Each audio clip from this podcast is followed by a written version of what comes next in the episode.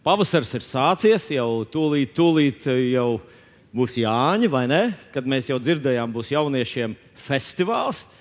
Un man sāk gribēties iet uz festivālu. Jā, jāpadomā, vai tur pats ir jāņem līdzi un jārāda, vai nav. Slavu Jēzum! Nu, ko, draugi, es gribu jums atgādināt iepriekšējā dievkalpojuma nosaukumu. Kurš atcerās, kāds bija tas nosaukums? Kā? Lieldienas? Nē, tas bija pagājušajā gadā. Ziemassvētku, kurš teica Ziemassvētku dievkalpojums? Tas bija vēl drusku pirms lieldienām. Iepriekšējā svētdienā mums bija vārds, mums sludināja Dārvids, un manuprāt, ļoti brīnišķīgs, ļoti stiprs vārds. Man gribējās aplaudēt pēc dievkalpojuma, lekt kājās un saukt aleluja. Tas ir mans dēls. Tas ir kā, tu, kā, tur, kā tur bija vienā. Kaut kur bija tāda izloksne, tāda munsdūls vai kaut kā tamlīdzīga. Nu, viņš mums uzrunāja mums par to, ka mums vajag aizsniegt cilvēks priekš Kristus. Un tad bija trīs vienkārši punkti, kur, kurš atcerās pirmo. Padalies ar to, kas tev ir. Haidienī, tev nav jā, jārada kaut kas jauns, kaut kāds ekskluzīvs materiāls. Ir vienkārši jāpadalās ar to, kas tev ir. Ja tev ir šāφliks, padalies ar šāφliku. Pie šāφlika brūna viņš stāstīja mums par ļoti. Es nebiju pamanījis, ka Levijs to bija izdarījis. Matejs uztaisīja šāφliku, aicināja visus. Un laipni lūdzu, visi dzirdēja evaņģēlīju vēstu. Un tad otrais punkts bija uzaicināt uz, uz draugu. Kas var būt vieglāks, kā uzaicināt uz draugu? Ja mēs sapulcētos katakombās kaut kur vai ne? Vai mežā. Bet ir, ir bijuši laiki, padomu laiki, kad cilvēki pulcējās mežā, nereģistrēti un nevarēja zināt, varbūt policija, uz, nu, toreiz bija milicija, tautas milicija, uzskries mūs un arestēs un sodīs mūs visus. Un cilvēki aicināja cilvēkus uz dievkalpojumu. Vai ne? Nu, pasmaidiet, lūdzu, tie, kas jūs ļoti nopietni. Nu, kā vai tāda laika bija? Nu, Jā, es esmu no pagājušā gadsimta vēl. No pagājušā gada tūkstoša īstenībā esmu. Tāda laika bija. Uzaicinu uz draugu, ļoti vienkārši. Un trešais punkts bija ļoti vēl vienkāršāks. Kas tas bija? Padalīties ar savu stāstu. Jūs zināt, es esmu studējis teoloģiju mūsu pašā Latvijas valsts universitātē. Četrus gadus staigājos tur un mācījos. Un viens teologs bija ļoti skeptisks. Viņš bija teologs bija ļoti skeptisks pret Bībeli. Visi tie brīnumi, kas tur aprakstīti, īpaši vecajā derībā, viņam visi likās, ka tie nemaz nav nekādi brīnumi. Un kad studentu, studentu vidū bija diezgan daudz ticīgu cilvēku, patiesi ticīgi jaunieši. Un kad viņi jautāja viņam, kā tad tur tā Mozus izgāja cauri tai sarkanai jūrai ar visu tautu? Viņš teica, Mozus acīm redzot, zināja, kur tā seklā vieta, un viņš tur gāja ar to, seklumu. Un, un tā. bet tad studenti, bet, Kā tad pēc tam visi eģiptieši noslīd? Nu, viņš teica, nāc, redzot, viņi nezināja to seklo vietu. Un, un faraons skatījās, pirmie noslīgs, otrie noslīgs. Viņš domāja, ka es nenoslīgšu. Un noslīd arī faraons. Tad pēdējie, kas gāja no muguras, domāja, ja faraons noslīd, viņam tā vajadzēja. Viņš korumpēts un tā tālāk. Varbūt, ka mēs nenoslīgsim. Nu, es neesmu ļoti liels ūdeņu pazinājis, bet es redzēju, kāds priekšā slīgs, es tur neietu vairs. Nu, bet viņam tas viss likās ne, nepārliecinoši. Un es atceros, bija tāda saruna. Es nesaku precīzi, ka tas tā bija, bet apmēram tā bija. Kā, mēs runājam par to, ka Jēzus dziedināja. Viņam vienmēr likās, ka Jēzus kaut ko tur, kaut kas tur pārprasts un nav īsti brīnums bijis. Un tad reiz bija tāda saruna par, par uh, cilvēku, kuram Jēzus iespļāva acīs, un viņš aizgāja maz, maz, mazgājās betas dīķi un kļuva redzīgs. Un viņš stāstīja, acīm redzot, Jēzus bija paaugstināts skābes saturs kuģī. Un, Un, un tam puisim no dzimšanas, acīm redzot, bija kaut kādas baktērijas acīs, un ja es iespļāvu to savu sālskāpu viņa acīs, viņam sāk graust un asarot. Un, un, un viņš skrēja tur, mazgāja un izdarīja visām tām sālskābu, un, un visu to izmazgāja ar baktērijas. Nu, vārds, kaut brīnums tur nekāds nav bijis, vienkārši apstākļu sakritība. Viens brīnums tikai Bībelē, kur viņš atzina. Un tas bija vecajā derībā, kur cirvis uzpeldēja. To viņš teica, tas ir brīnums. Tas ir brīnums, cirvis uzspēlēt. Es teicu, varbūt, ka cirvim bija ļoti garš koka kāds. Nē, viņš teica, tas nav iespējams, ka cirvis uzspēlē. Nu, tā kā savā ziņā viņš ticēja Bībelē, bet tikai atsevišķām vietām. Un ziniet, kas viens, kas viņu vienmēr apstādināja? Vienā reizē viens no studentiem liecināja par savu, savu brīnumu, savu dziedināšanu. Un šis skeptiskais pasniedzējs klusi kā kaps skatās uz to visu. Un mēs domājam, wow, kā tas? Kas tad, nu, kur, kur tad ir viss tā lielā zinātnieka erudīcija? Viņš teica, tur es neko nevaru iebilst. Viņš ir vienīgais eksperts. Viņš zina, kā bija pirms tam, viņš zina, kā ir pēc tam, viņš zina, kas notika. Viņš kā stāsta. Mēs tur neko nevaram iebilst. Tā kā, kad tu stāsti savu liecību, savu liecību. Tu esi vienīgais visā pasaulē eksperts. Tu vienīgais biji iekšā, tu vienīgais zini, kā bija pirms tam, vienīgais zini, kas pēc tam, tu zini, kurš tev to nodarīja, izdarīja. Un visai pasaulē nav ko iebilst. Tā kā es nezinu, ja tev nesajūsmināja šis te dievkalpojums, tad, nu, nu vienreiz viens mācītājs lietoja tādu apzīmējumu, ja tavs uguns vēl nedeg, tad tev malki slapja. Ja pēc tāda uguns tu vēl neesi aizdedzies, tad tev malki vienkārši slapja. Paskaties, kas ir ar tavu malku. Ko? Viņu varbūt vajag izžāvēt. Nu, nu, es, es skatos uz jums, degat, nu, degat. Tāda draudzene, tādi brāļu maz, tādi kalpotāji. Es domāju, arī par mums draugs kolektīvu. Mums ir nu, cilvēki, kas strādā uh, rīt no rīta, kad jūs iesiet uz, uz savu darbu vietu, viņi nāk šurp un viņi sāks domāt un lūgt un, un darīt daudz praktiskas lietas. Mēs visi degam, vai ne? Iebiks tam, kurš sēž. Tu dzirdi, ko viņš saka par mums. Nu, tas vismaz piespēlē viņu. Saka, mēs degam visi. Bet es uz mirkli iedomājos, ja būtu tā, ka tādā vienā kristīgā kolektīvā, kristīgā komandā, vienā kalpošanā. Būtu arī viens, kurš sev sauc par kalpotāju, un arī viņš, jā, jā, viņš arī tur un, un, un uh, uh, viņš arī ir, jā, viņš arī degs, un viņš, viņš darīs, un jā, viņš grib. Un katru reizi, kad mēs kaut ko izdomājam, teiksim, mēs gribam iet ziemā evanģelizēt, viņš saka, kāpēc ziemā, ziemā ir augsts? Un mēs izdomājam, iesim vasarā evanģelizēt. Viņš ir kāpēc vasarā, vasaras tik īstas, jā, vajag izmantot un atpūsties. Saka, iesim otrdienā evanģelizēt. Kāpēc otrdien? Iesim sestdien. Sestdien jūs bībeli nelasat, sestdienā neko nedrīkst darīt. Nu, vienmēr viņam ir kaut, kā, kaut kas, viņam kaut kāda iebilde. Vienmēr nav laika, ne, ne tagad, un šito tas taču nestrādā. Nav vērts. Man tas viss jādara. Tas tik vienkārši, tas tik smagi, vai tu nevari kaut ko ģeniālu izdomāt. Un daļa no tiem cilvēkiem teikt, mēs, mēs, mēs gribētu kaut ko darīt. Mums visu laiku ir viens mūsu vidū, viens no mūsu komandas, kas visu laiku vēl kas atpakaļ. Un viņi atnāk pie maniem un teikt, mācītāji, ko lai mēs darām? Es teiktu, es pasauktu to cilvēku pie sevis un jautātu viņam, tā, paklausies, pasaki man, ko tu pa īstam gribi darīt? Ko tu gribi darīt? Un viņš man teiktu, viņa acis iedegtos uzreiz. Viņš teikt, Vilni, es gribu audzēt cukurbietes. Tas ir mans sapnis. Cukurbietis, vesels hektārs ar cukurbietēm. Iedomājieties, cik daudz cukuru no tā var darīt. Pārstrādāt cukurā un no cukura sēdos tāda enerģija. Visi cilvēki deg, spīd. Nu, nosēdēt nevar. Tas ir mans dzīves sapnis. Tad es viņam teiktu, paklausies, draugs, ko tu mocies te? Kāpēc tu te mocies?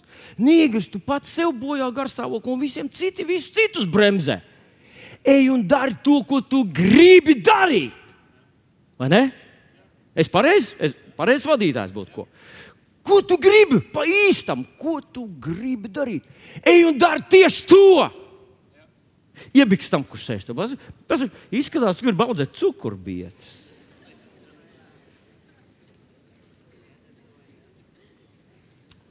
Bet tad man uz mirkli ienāca prātā, ziniet, kāds jautājums.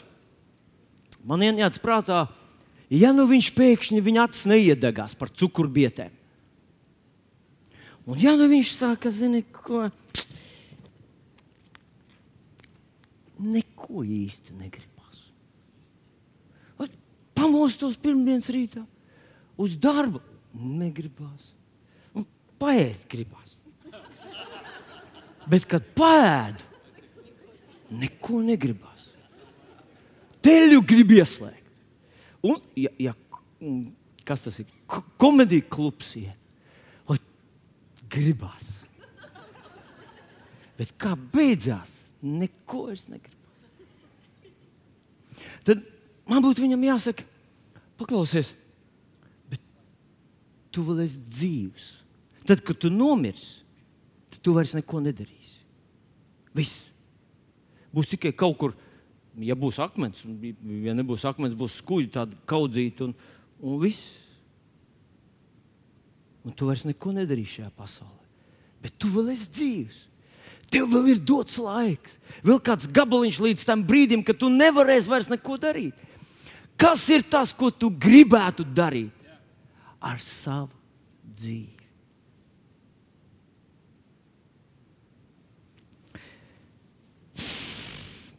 Ziniet, manuprāt, Jēzus staigāja savas kalpošanas laikā, trīs ar pus gadus, kā mēs zinām, viņš aktīvi kalpoja. Viņš ļoti daudz ko izdarīja. Jānis saka, ka par, par šiem trīs ar pus gadiem, ja sarakstītu visu, ko Jēzus izdarīja, visa pasaule nespētu uzņemt tās grāmatas. Viņš, citiem vārdiem, tie trīs ar pus gadi bija ļoti intensīvi darbības gadi Jēzus dzīvē. Mēs arī to no viņa varam mācīties. Bet reiz viņš skatījās uz saviem 120, viņam bija 12, 120, vēl 40 mācekļi, viņam bija tāds vairākas grupas. Viņš skatījās uz saviem 120 mācekļiem un skatījās, ka tie sāk savā starpā acis vairs nespīd. Kaut ko jāsaka, tagad būs jāiet uz to pilsētu, un jums būs jāiziet tur un jā, jās, jāapziņo cilvēki, jāpastāst viņiem, ka es nāku. Viņa, kur? Jāiet. Tagad, rudenī, otrdienā. Ziemā jāiet. Cilvēki tagad strādā, aizņemti, viņi negribēs mūs dzirdēt, vai mēs nevaram piezvanīt, vai mēs nevaram faksu aizsūtīt. Nevar, kaut, nu, kaut kā tā. tā kā. Un tad Jēzus viņam jautāja vienu dienu, vai jūs gribat vēl šeit būt? Un vienā dienā tie 120 sacīja, mēs vairs negribam. Mēs vairāk negribam. Un viņi aizgāja prom no viņa. 120 mācekļi vienā dienā no Jēzus aizgāja prom. Un nav rakstīts, ka viņi kādreiz būtu atgriezušies pie viņa atpakaļ. Bet iedomājieties, 120 cilvēki, kas vienu dienu ir bijuši blakus Jēzum, klausījās viņas prediķus, paklausīja, kad viņš viņus sūtīja turp vai atpakaļ, lika viņiem mācīties šo vai citu, lika viņiem iegaumēt kaut ko, uh, lika viņiem iet un izsludināt sapulci, sapulcināt cilvēkus. 120 cilvēki bija blakus Jēzum, blakus viņa 12 apstuļiem. Un tad viņi no viņa aizgāja prom. Un tā viņa dzīve beidzās. Un zinat ko? Viens no tiem 120, viens no tiem 120 savas dzīves beigās uzrakstīja rindas, kā viņš jūtās. Viņš tās uzrakstīja ivritā, nu, senēbrēju valodā. Un man nācās tās pārtulkot latviešu. Nu, ne jau burtiski tās sajūtas, es pārtulkoju. Un tās, tās patiešām tās pilnīgākās vietas līgi pielaboju, jo viņi ir ebreju valodas eksperts. Un paklausieties, kā jutās viens no tiem 120 bijušiem, kurš bija tuvu Jēzum, un tad aizgāja prom. Nodzīvoja savu dzīvi tā, kā viņš gribēja dzīvot kā viņš jutās savas dzīves beigās. kā sāp, kā sāp, vai maz tā sāpēt var. Nu tikai apjaušu, cik daudz ir palaists garām. Tūlīt būs dzīves vilciens, aiztraucies, toreiz jau bija vilciens. Vienu putekļu un pelnu manā sažņaugtajā saujā nu sāp. Ik minūte, ik mirklis sāp par to, kas trulā bezjēdzībā palaists vējā. Kauns, šausmīgs, vilšanās un dusmas, bezspēcīgas, kas savas dzīves kapracis es esmu bijis pats. Ak, Dievs, ja varētu vēlreiz visu sākt no gala, Es savu dārgo laiku putekļos vairs nešķiestu. Pēc zelta mūžīgā es izmisīgi censtos rakt un Jēzum Kristum visu sevi uzticētu. Bet ko nu vairs? pats savu dārgo balvu. Kā pazudušais dēls pret sēnelām es mainīju. To, kas priekš mūžības bija dots, ir nokurināts baudu sārtā, un spriedums nojaušams kā fakts ir vispār vēlu nokavēts. Viņš nebija laimīgs cilvēks savas dzīves beigās. Un tad var redzēt, ka Jēzum nevajadzēja, lai viņam vienkārši cilvēki velkās līdzi ar izdisušām acīm. Vienkārši tā aiz pienākumu sajūtas. Vienā reizē viņš uzrunāja savus 12 mācekļus, pēdējos 12. Viņš jautā viņiem, vai jūs arī gribat aiziet? Un tad tie 12 neatbildēja viņam, kungs, kur mums tā maksā, kā šeit? Nav nekur. Kur mūs vada ar tādiem limuzīniem kā ar tevi? Nekur. Kur mēs esam tik populāri kā ar tevi? Viņi neteica tā. Kādā vietiņā apelsīns Pēters saka, mēs visu esam atstājuši un tev gājuši pakaļ. Viņš centās pateikt, ka tas jau nemaz nebija viegli. Tas jau nemaz nav viegli būt tavam māceklim. Bet mēs esam izvēlējušies, ka mēs iesim ar tevi. Mēs gribam būt ar tevi. Es gribu būt ar tevi.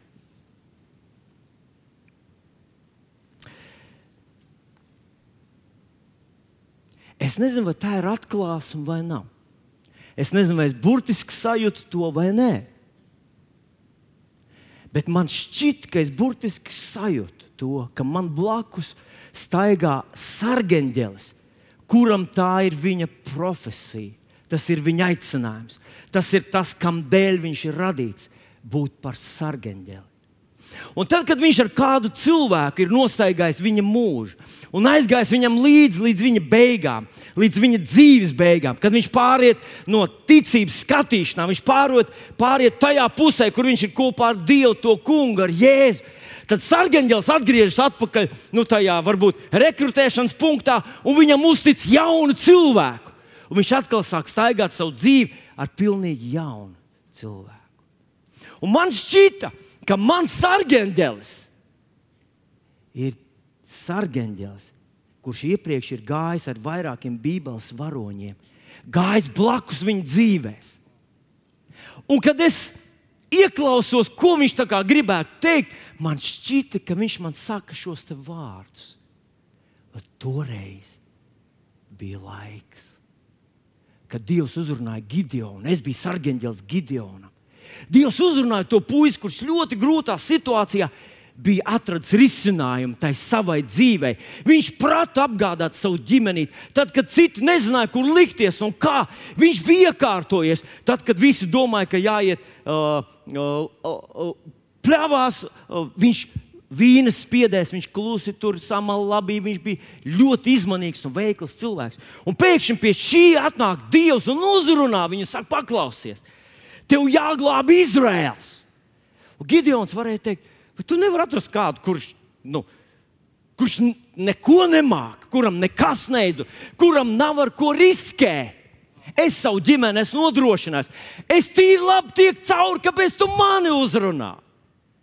Bet Dievs uzrunāja viņu. Un atcerieties, toreiz tas ienaidnieks bija kā jūras smilts. Tur, ja nemaldos, tie bija sīrieši. Viņi bija tik daudz, un ebrejiem vispār nebija ieroči. Viņam bija jāiet ar lāpām un taurēm. Dievs sūta vienu puisi pretī profesionālam, milzīgam karaspēkam ar lāpām un taurēm un saka, tev var būt līdz tikai 300 puiši. Un man sargeņģēlis saka, Ot, Gideonam bija cīņa. Un viņš to izcīnīja. Un no rīta viņš teica, zini ko? Mēs iesim, mēs iesim. Dievs tas kungs ir teicis, un uz viņa vārdu ir vērts riskēt. Un tagad paklausies, ja tas apsolījums Gideonam nebūtu nostrādājis, ziniet, kas būtu Gideons?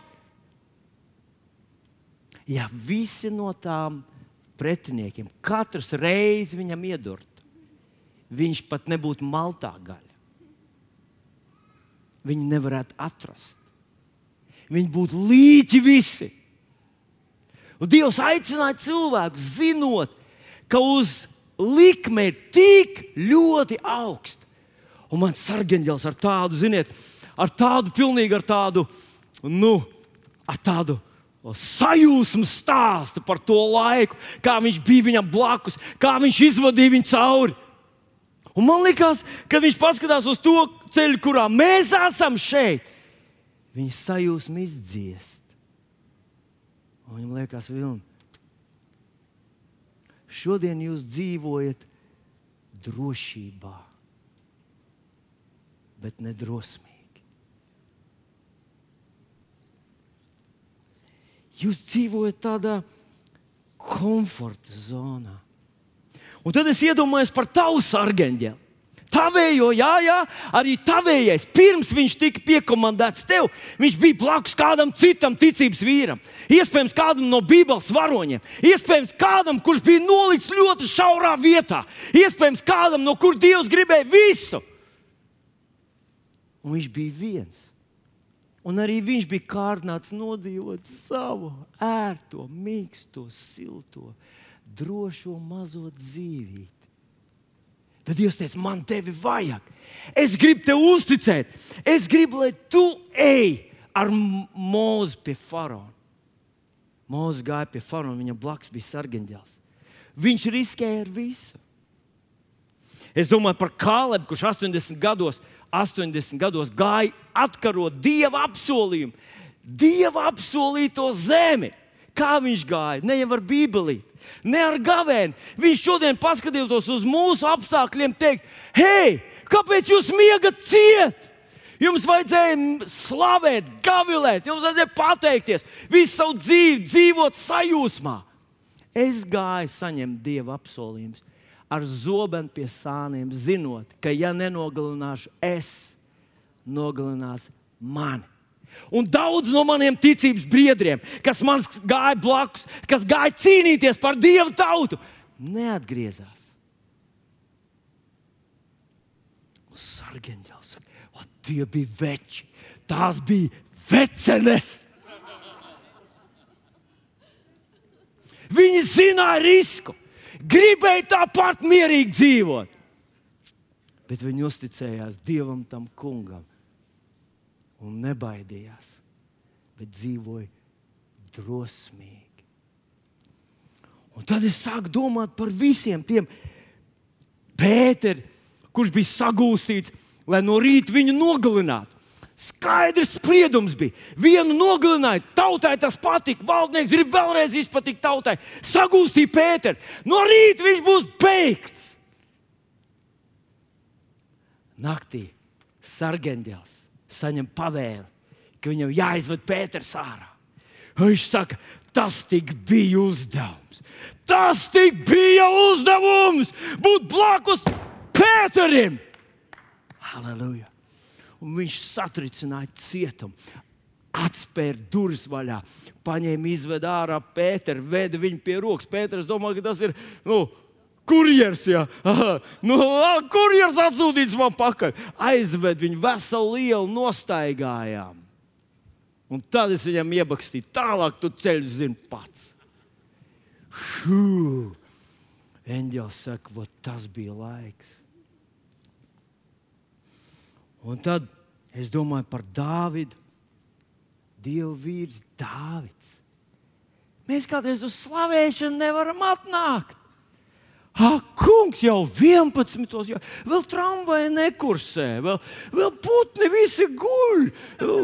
Mans gailis nedzied, viņš ap trījiem sāk klukstēt kaut ko. Nu, jau 11. jābūt svētdienai, un tad jāpaliek līdz beigām. Ak, Dievs, mēs esam varoņi Dieva lietās.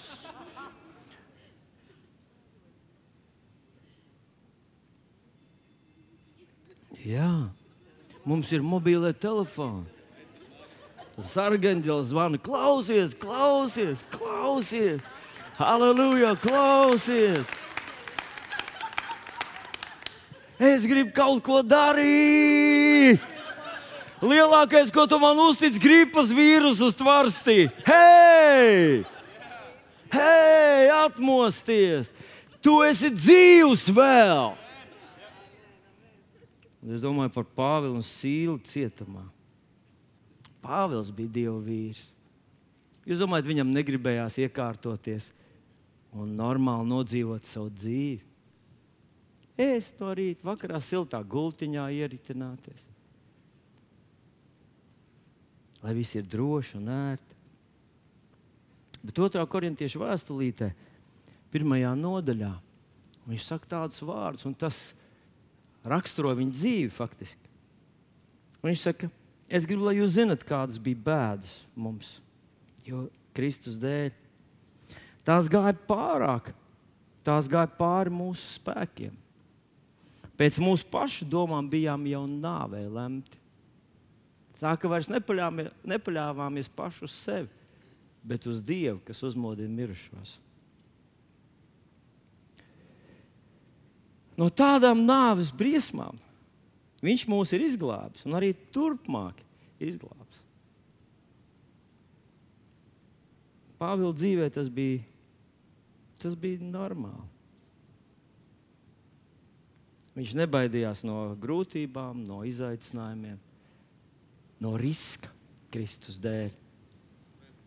Izturēt, pastāvēt, tad, kad ir grūti, nesašļūt, neizdzist uzreiz, ne, nekļūt flegmatiskam.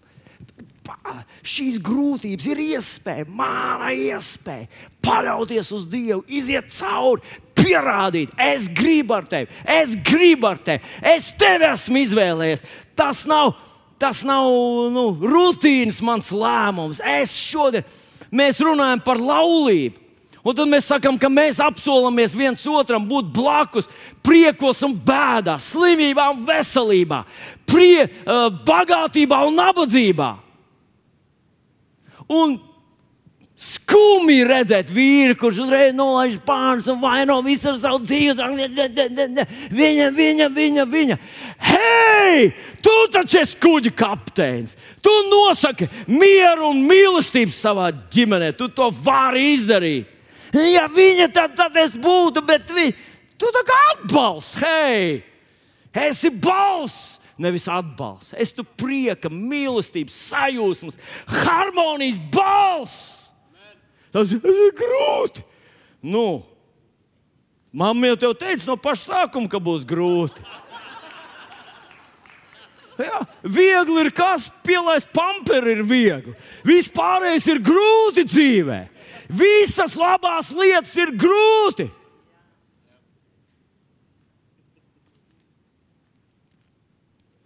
Es atceros, tas bija vēl vienreiz gājis sporta laukumā, un tur ar treneru mēs kaut ko tur runājāmies.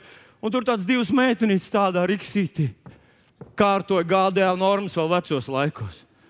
Un viņš saka, meitenes, šitā jūs nosvīdīsiet, uzmanīgi.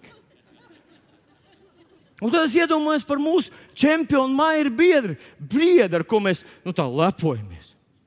Būtībā uz ko viņš parakstās?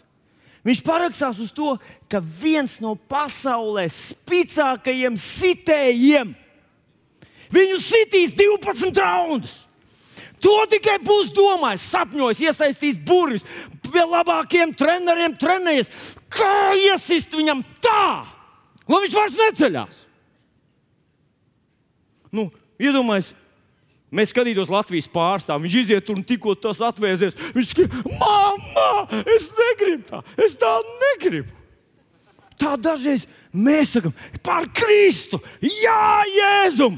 un tad kaut kas bišķiņ ilgāk, nu uzreiz nenotiek, grūtāks, kaut kas, tev pat neviens ar zobenu nav atvēzies, tev pat neviens kā Dānielam piedraudējis nav.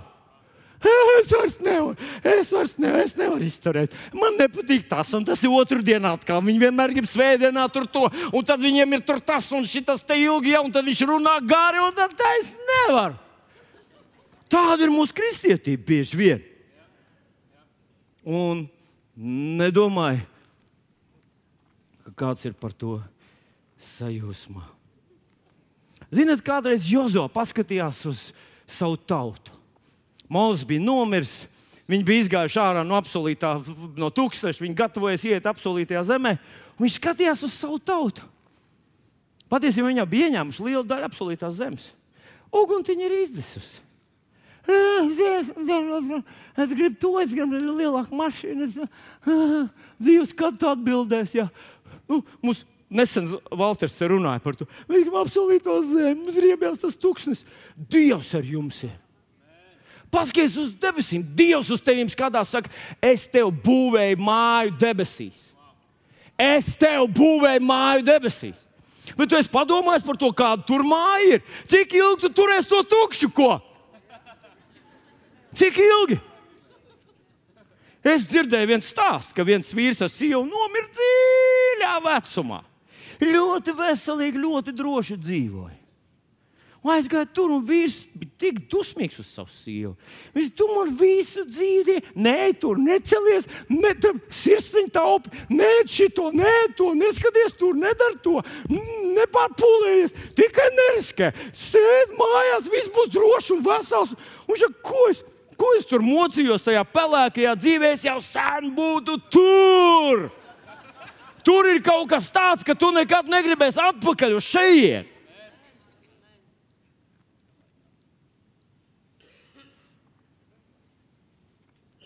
Jozo skatās uz savu tautu, un tad vienā dienā viņš viņiem saka, paklausieties, jūs izvēlieties, kam jūs reāli gribat kalpot.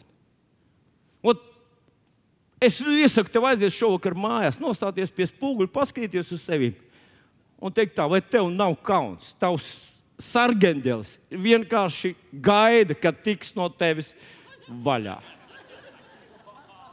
Viņš cer, ka viņam uzticēs kādu brāli no Ķīnas kaut kur tuviem austrumiem, kādu, kurš nebaidās, kādu, kurš ver muti vaļā, kādu, kurš pat riskē, tad, kad riska nav nekur. Viņš grib kaut ko darīt reāli. Nevis vienkārši uzpasēt tavu diētu, vai tu vai piet, pietiekami skābensēt.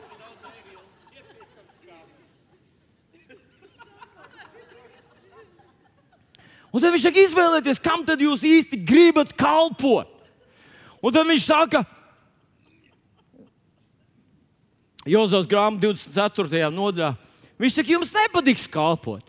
Izvēlieties paši sev, kam tad jūs gribat kalpot. Es gribētu, lai tu paskaties uz sevi, padomā, pajautā sev, paklausies. Dievam nevajag tāds māceklis ar garu seju, vēl kas no muguras un saka, es jau negribētu īsti. Nu, ja tu negribi, Ja tu patiešām negribi, ko tu mocies? Ko tu mocies? Kaut kur, kaut kur pie vienas draudzes bija uzlikts ārā tāds paziņojums. Pamēģini Jēzu. Ja tev nepatiks, Vēlns vienmēr tevi paņems atpakaļ. Un es, es, es tev gribu tiešām pateikt, ja tev nepatīk ar Jēzu, Tev liekas, ka par maz adrenalīns, man liekas, ka par maz visas tās brīnišķīgās dāvanas, ko viņš dod. Vēlams tev paņems atpakaļ. Viņš ir gatavs tev paņemt atpakaļ. Un viņa valstībā to svīdīs un visu, ko darīsi. Tās skaņas, kur tu maz negribētu izdvest, izdvesīs. Viņš tev vajās, mācīs, trenēs un izsūtīs misijā. Arī tur ir misija. Izvēlies, izvēlies. Un es gribu te pajautāt, vai tu esi izvēlējies? Vai tu esi izvēlējies? Un, ja esi izvēlējies, ja tu esi izvēlējies, ka tu būsi Kristus māceklis, ka tu ies ar viņu līdz galam. Tu nebūsi viens no 120, tu būsi viens no 12. Tu nebūsi tas, kurš savā dzīvē, ja sastapsies ar kaut kādu iespēju, ka tu to laidīsi garām tikai tāpēc, ka tev ir silta dzīvība, ka tev ir ērta silta sedziņa, ka tev ir sausas kājas un ka tev ir labi šobrīd. Ka tu nebaidīsies no grūtībām. Ja tu esi izvēlējies, tad, nu, tad, tad dzīvo tad dzīvo ar, ar drosmi. Un paklausies rakstvietiņā, kur gribu tev atgādināt no Jēkabas vēstures pirmās nodaļas, 2 līdz 4 panta. Es tur izmainīju vienu vārdu, viņš precīzi atbilst tam, ko Jēkabs grib pateikt, un arī to, ko es tev šodien gribu pateikt. Un viņš saka, turiet man, brāļi, to par lielu prieku, ka jūs krītat dažādās grūtībās. Grūtības. Grūtības ir tās, kas pierāda, vai tu tiešām to gribi vai nē. Tieši kā tu uzvedies grūtā brīdī, tieši tā kā tu izvedies tad, kad gribas padoties, uzdot, kad gribas izzist, kad gribas kļūt inertam un tādam čīkstētājam, vaidētājam. Man stāstīja par kādiem, par kādiem diviem brāļiem. Un viņiem abiem kaut kā, es nezinu, kā tas bija, bet viņiem abiem bija raksturīga viena interesanta lieta. Viņi abi visu laiku vaidēja par visu. Ja tu teiksi, ka viņam smuki bērni, tad jā, viņam ir smuki bērni, viņa zobi viņam slikti. Ja tu teiksi, ka viņi ātri skrien, jā, bet viņi to slēpjas slikti. Visu laiku, kad tu saki, ka labi vasara, viņi teiks, jā, bet savu soli nākošo nedēļu lietu. Nu, vis, viņi tā kā uzskatīja par savu misiju šajā pasaulē, visus tos, kas ir druskuļi pasist uz augšu, dabūt viņus pie zemes. Jā, visi, jā, jā, jā. Un tad, ziniet, par vienu no brāļiem viens cilvēks saka, Viņa agrāk bija kaut divas ūdens pilsētas. Jā, tu esi priekšvēs, laimīgais. Jā, bet tur daudz cilvēku. Jā, bet, tu, bet tur, tur ir daudz draugu. Jā, bet es viņus nepazīstu. Es jau... Vienmēr viens ir izmainījis. Tas cilvēks saka, Viņa agrāk bija kā divas ūdens pilsētas. Viens pazīst, jā, otrs vēl kaut ko piebilst tajā pašā. Un nu viņi ir izmainījušies. Viens šādi tad kaut ko pozitīvu pasakā. Šādi tad viņš kaut ko pozitīvu pasakā. Wow! Tu dzirdēji, piebikstam, kurš sēž tev saka, viņš par tevi varbūt runā. Šādi tad, agrāk nekad, bet šādi tad kaut ko labu pasaka. Turiet, man brāļi, to par prieku, ka jūs varat kaut ko Kristus dēļ iziet kaut kam grūtam cauri, kaut ko izturēt, kaut ko izturēt, kaut ko izdarīt. Vai jūs ievērojat, ka tā sieviete, par ko Dārvids mums šodien nolasīja, tos eļļu, ko viņa izlēja Jēzum uz viņa galvas matiem. No.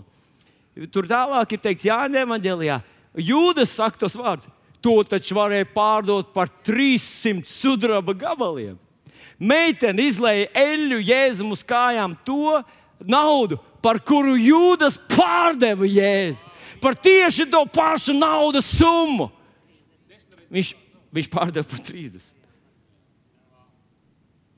Jūs, saprotat? Tur nav objektīvi kaut kas. Tas, ka tu jūties grūti, ir smagi, ir, oh, man te grūti. Ir tik daudz cilvēku, kas ir bijuši uzticami, smaidīgi, sajūsmā, kalpojoši daudz grūtākos apstākļos nekā mēs ar tevi jebkad būsim. Tā ir iespēja, grūtības ir iespēja. Pasaka, grūtības ir iespēja. Tad, kad kādreiz ir ilgs laiks, tev jāsagaida atbildi. Nenogurstat. Ne, jūs sagaidīsiet atbildi, nenogurstat. Nepadodies, neuzsaki, neatkāpies, neizdziesti. Hei, tu taču izvēlējies jēzu. Nu tad aizej līdz galam. Jūs zināt, es uh, savā jaunībā dienēju armijā. Tā vēl bija padomju armija, vairāk kā divus gadus es tur nodienēju, bet pirmie trīs mēneši bija tie, tas jaunā karavīra kurs. Un tas jaunā karavīra kurs bija šausmīgs. Viņi vienkārši gribēja panākt, es tā šodien saprotu, viņi vienkārši gribēja panākt, lai mēs vienalga, ko arī mums nepavēlētu, lai mēs to visu darītu bez nekādām emocijām, bez sajūsmas un bez burkšķēšanas. Un es atceros, mums seržants bija tāds vecs, uh, rūdīts, gandrīz teicu, uh, jā, bet neteikšu, gandrīz tāds vecs rūdīts speciālists. Un kad, kad viņš bija nodzenājis mūs pa laukumu, skrienot, mums bija kājas tūznās, nu, nepieradušiem no tiem kerzas zābakiem. Mēs bijām gurķi tikko divu mēnešu kopš no mammas krūts, no, no, no, 18 gadu veci. Mēs bijām izlutināti. Viens otrs gribēja teikt, mamma, mamma, kur tu esi? Šausmas. Tad, kad mēs bijām nodzīti, paldies, paldies, precīzi, īstā vietā. tad viņam patika. Redzot mūsu dusmīgos skatus, mēs tur soļojam, neviens neko neuzdrošinās teikt. Un viņš teica, zapīja vai! Viņš lika mums dziedāt. Un es vēl atceros, mums bija tāda dziesma, tur bija viena zapīvala un, un tā dziesma bija Neplač, Marūša, paidot každi, saldāt virņāca. Un no sākuma mēs negribējām, mēs bijām dusmīgi, īri, mēs bijām vīlušies. Kā tā drīkst nirgāties par dzīvām būtnēm, par cilvēkiem? Kā vispār viņam vadība droši vien nezina, ka tā ir pilnīgi patvaļ. Viņš redzot šo te vēl lika dziedāt. Un, zināt, Bībelē ir rakstīts, ka tad, kad ir grūti, ko dara taisnais, ko Dievs no tevis sagaida. Ko tad?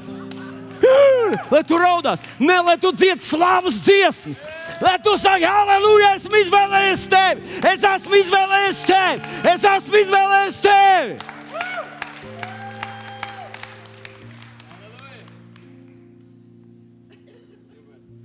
Ja kādam liekas, ka tu rādīsi uz Dieva, uz debesīm apvainot ģīmīti, pārmetumu pilnu skatu, kaut kas notiks. Dievs teiks, uzdzied tagad. Ja tev nepatīk, tu negribi ar mani vairs iet, tu vari aiziet prom. Un bēdēsies, kur es iešu. Tas ir stulbi iedomāties, ka es varu kaut kur aiziet. Tu esi man uzturējis. Es esmu.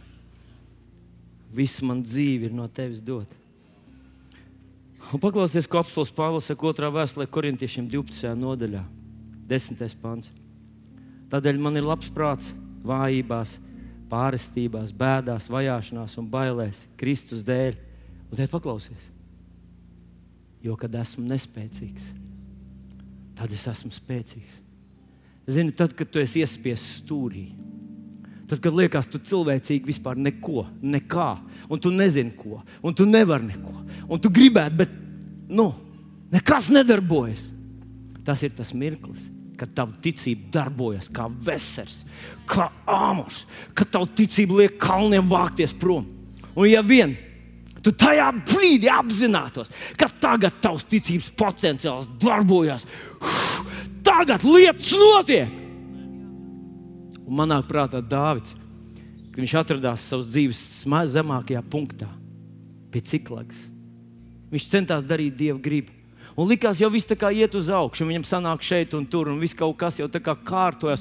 Viņš atgriezās ciklagā un izrādījās, ka tā viss bija nodedzināts. Viss viņa mīļie bija aizvests. Viss tas, par ko viņa sirds priecājās, kādēļ viņš cīnījās. Nu, protams, dievu nē, bet, bet viss viņa, tas viss ir izlaupīts. Un viņa Es domāju, viņam drūmas domas nāca prātā, izvarošanas, nogalināšanas. Viņš domāja, ka varbūt visi viņa puikas pirmdzimtie, viņa mīļākie, dārgumi, tie visi ir jau beigti, ka viss ir beidzies, ka iespējams viņš to nekad vairs neatgūs. Un rakstīts, ka visi sāka raudāt. Visi raudāja tā, ka raudāt vispār nebija vairs spēka. Un cilvēki sāk dusmoties, meklēt kādu vainīgo. Un tad ir mūsu Bībelī to tā, tā, tā delikāti pasaka, ka Dārvids atrada jaunu spēku tajā kungā. Bet, zinot, kā uh, angļu bībelīte ļoti precīzi King James saka, un viņš saka tā, Dāvids iedrošināja pats sevi kungā. Nevis gaidīja, lai kāds cits atnāk viņu paceļ. Ko mācītājs dara? Ko mūsu mājas grupas vadītājs dara? Kur ir kāds, kas man palīdz? E, man ir grūti tagad! Viņš pats sevi iedrošināja. Pats sevi iedrošināja tajā kungā. Tas nozīmē, ka viņš vienkārši ņēma raksturvietas. Viņš ņēma vilku ārā raksturvietas ar saraudātām, aizpampušām acīm. Ar domu, ka viss ir zudis, un viņš ņēma ārā raksturvietas, kur Dievs teica, es būšu ar tevi. Es tevi neatstāšu, es tevi nepametīšu, es būšu ar tevi līdz galam. Tu uzticies man, paļaujies uz maniem. Tie, kas uz mani paļaujas, tie nepaliek kaunā. Tie, kas meditē par manu vārdu, tie ir kā auglīgs koks, kas stādīs pie ūdens upēm tā varēja kļūt par viņa dzīves lielāko traģēdijas dienu, bet tā kļuva par viņa dzīves uzvaras dienu. Un, un tas ir tas, ko Pāvils saka. Tad, kad tu esi nespēcīgs, Tad, kad tu esi nespēcīgs, tad gribas vienkārši spērt gaisā un viss teikt, jo, Haidī, kas tu te īsti ir darbojies, kaut kas vai nedarbojas. Tad iedrošins pats sevi. Tajā kungā paņem atpakaļ viņa raksturvietas un saka, Dievs, halleluja, es zinu, tas nebija tu. Es zinu, tu darbojies ar maniem, lai mani izvest šai šaurajai vietai cauri. Šeit mēs neapstāsimies! Un viņš uzvarēja. Halleluja! Halleluja! Viņš uzvarēja. Hū! Ziniet, man vakar bija iespēja, ne, vakar tas nebija, tas bija kāds dienas atpakaļ. Man bija iespēja kopā būt ar vienu no, ar vienu no mūsu draugu māsām. Tā nebija īsti tāds uh, evanģelizācijas gājiens, bija gājiens uz poliklīniku, un es biju kopā ar savu māmiņu. Un mēs tajā poliklinikā sēžam, un manā māmiņa pēkšņi saka, man, padod man to somu. Es domāju, nu, Es padevu mammai somu, viņa atver viņu vaļā, un es tā iemetu acis somā, un tur ir kāda čupiņa ar bukletiem. Man mamma ir no prieka vēsts. Viņa ir poliklinikā, mēs te stāvam foijē, un viņa grib kādam liecināt. Viņa paņem to bukletiņu, pieiet pie tādas zolītas kundzes un saka viņai, te man ir tāds uh, uh, bukletiņš, kur par jēzus mīlestību ir uzrakstīts, un, un viņa dod tai kundzei. Un es domāju, wow, paskatieties, kādi tie prieka vēstneši. Viņu eņģeļiem gan nav garlaicīgi. Un paklausies, tā kundze uzreiz saka, bet es eju pie jehovistiem. Ne, viņa teica, pie jehoviešiem. Es eju pie jehoviešiem. Manā māmiņai vairs nav dzirdama tik labi kā jaunībā. O, viņa, es domāju, nu, evanģelizācija ir beigusies. Un viņa pavisam mierīgi. Nu, es nezinu, pie lietuviešiem arī labi cilvēki, bet, bet nāk ar šeit pie mums, pie latviešiem.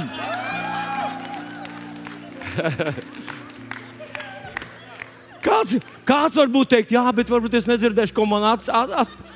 Mamma kā ledlauzis brauca pa ledu. Un, un tā sieviete saka, kas tā pa draudz? Prieka vēsts. Prieka vēsts, tas ir tas, kur tas ļģājās. Man māmiņa saka, nav nekāds ģējājs. Rekursēž! Rekursēž! Viņa saka, mācītājs! Es sēdēju ar uh, ieurbies kā visi moderni, mūsdienīgi cilvēki, evanģelizēju internetā. Rekursēž Vilnis Gleška, viņa saka. Un viņi izbrauca ledu atlauzu, un tad es mierīgi kā pastāstīju, un uzaicināju un apliecināju.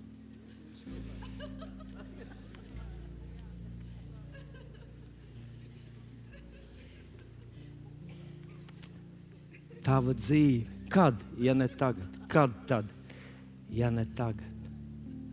Kad? Kad?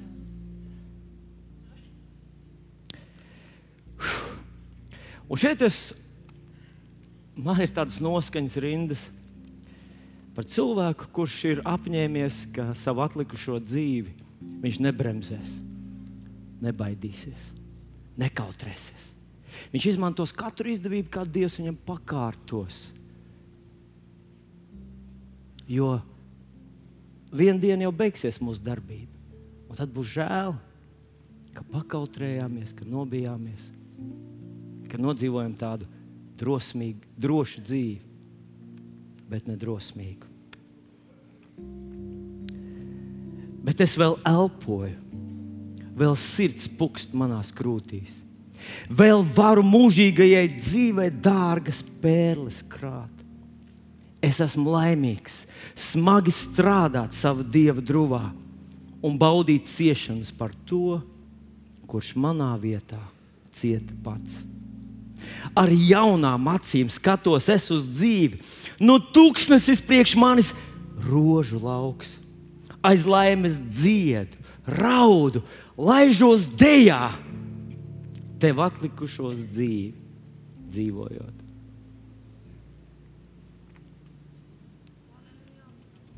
Aleluja! Es gribētu būt cilvēks, par kuru svētajam garam Ir jāsaka, man tik daudz darba ar filmu. Man tas ir cilvēks, ar kuru ir interesanti iet. Un mans eņģelis saka, Gideons. Gideons bija bērns salīdzinājumā ar šito vecu. Viņš ne no kā nebaidās. Aleluja. Es gribētu pateikt, ka tu esi no tās pašas mīklas taisīts. Arī tu vienā dienā atskatīsies atpakaļ. Un es ļoti gribētu, lai tu uzrakst tādas rindas, kas ir pateicība Dievam. Es nebaidījos par sevi. Kāpēc es par sevi baidītos? Tu taču esi ar mani. Piecelsimies kājās.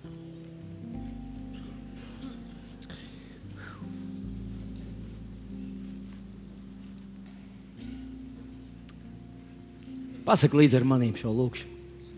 Saka, debes Tēvs, te es esmu. Viens no taviem mācekļiem, viens no taviem 12. Es esmu tevi izvēlējies.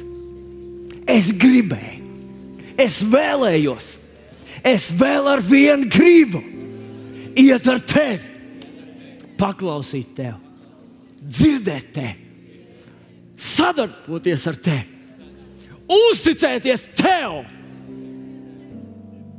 Jo kas gan ir diženāks cilvēku dzīvē, kā izdarīt to, kam dēļ tu esi viņu sūtījis? Paldies, Tev, debes Tēvs!